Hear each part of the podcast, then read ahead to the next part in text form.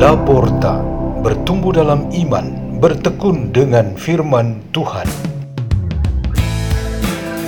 Radio Laporta, pintu terbuka bagimu untuk pertumbuhan pengetahuan dan kebijaksanaan tentang Allah.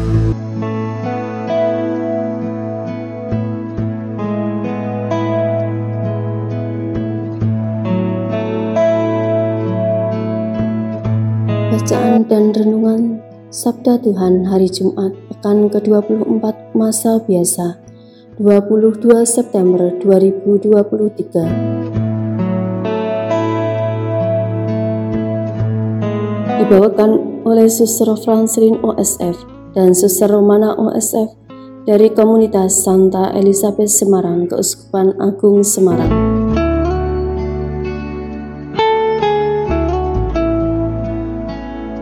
Bacaan dari surat Paulus yang pertama kepada Timotius. Ajarkanlah dan nasihatkanlah semuanya ini. Jika seorang mengajarkan ajaran lain dan tidak menurut perkataan sehat, yakni perkataan Tuhan kita Yesus Kristus, dan tidak menurut ajaran yang sesuai dengan ibadah kita, ia adalah seorang yang berlagak tahu padahal tidak tahu apa-apa.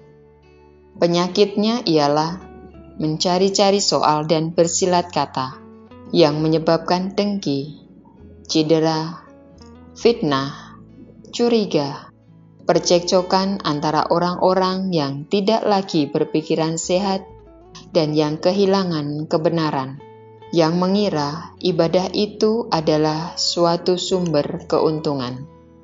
Memang ibadah itu kalau disertai rasa cukup, memberi keuntungan besar. Sebab kita tidak membawa suatu apa ke dalam dunia, dan kita pun tidak dapat membawa apa-apa keluar. Asal ada makanan dan pakaian, cukuplah.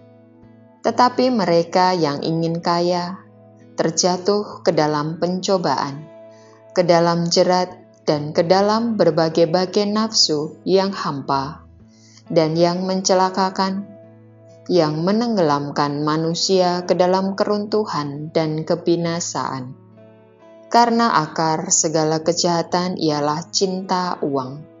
Sebab oleh memburu uanglah beberapa orang telah menyimpang dari iman dan menyiksa dirinya dengan berbagai-bagai duka. Tetapi engkau, hai manusia Allah, jauhilah semuanya itu. Kejarlah keadilan, ibadah, kesetiaan, kasih, kesabaran, dan kelembutan. Bertandinglah dalam pertandingan iman yang benar, dan rebutlah hidup yang kekal.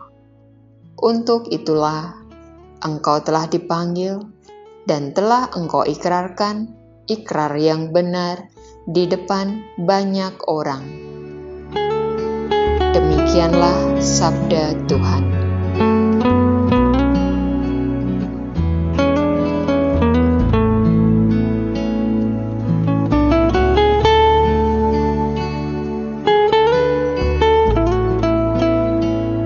Tema renungan kita pada hari ini ialah pertandingan iman yang benar.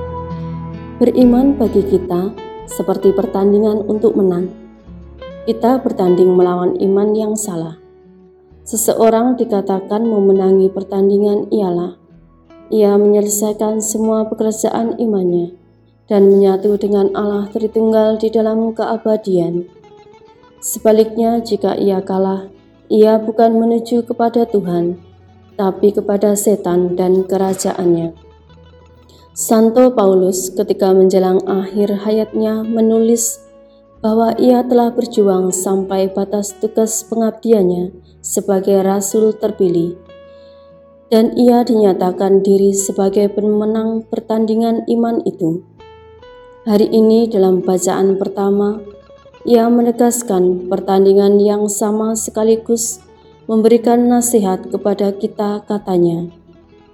Kalian kerjakanlah keadilan, takwa, kesetiaan, cinta kasih, kesabaran, dan kelembutan hati. Bertandinglah dalam pertandingan iman yang benar, dan rebutlah hidup yang kekal. Bagi kita saat ini, pertandingan ini berlangsung terus bahkan pesaing atau lawan di zaman ini lebih kompleks dan canggih. Musuh utama yang berusaha untuk membuat kita gagal ialah kepalsuan iman. Paus Fransiskus dalam berbagai kesempatan menasihatkan seluruh anggota gereja untuk menghindari gelombang kepalsuan yang kian membesar. Ancaman-ancaman datang dari kepalsuan identitas Kristen yang menyerang prinsip dan tujuan hidup, semangat hidup dan kerja penghayatan panggilan dan pelayanan kasih. Uang, materi, dan kenikmatan ragawi menjadi panglima untuk membuat semua kepalsuan ini bertahan dan berpengaruh begitu kuat bagi manusia.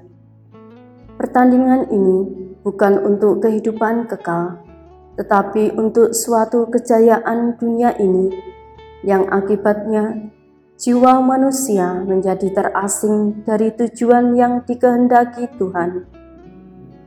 Untuk menghindari terjadinya hasil yang buruk dari pertandingan ini, ada usulan yang didapat dari inspirasi bacaan Injil hari ini.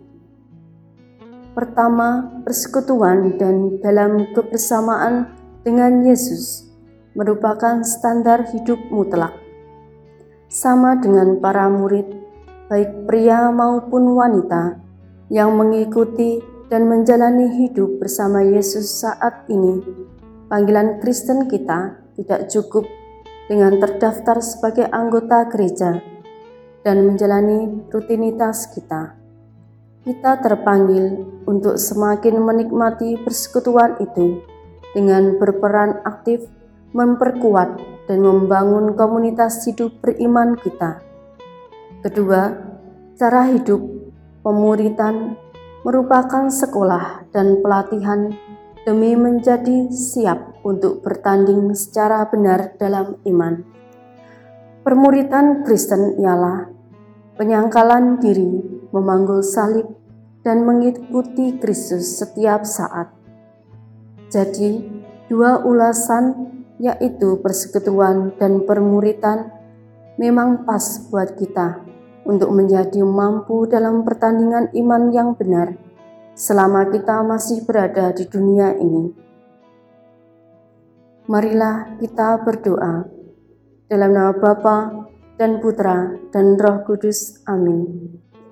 Ya Tuhan Yesus Kristus, terpujilah Engkau cahaya dan kekuatan kami kami bersyukur dan berterima kasih kepadamu atas karunia istimewa bagi kami masing-masing untuk menjadi murid-muridmu dan berikrar untuk mengikutimu selalu bahkan sampai disalib. Kemuliaan kepada Bapa dan Putra dan Roh Kudus, seperti pada permulaan, sekarang, selalu, dan sepanjang segala abad. Amin. Nama Bapa dan Putra dan Roh Kudus. Amin.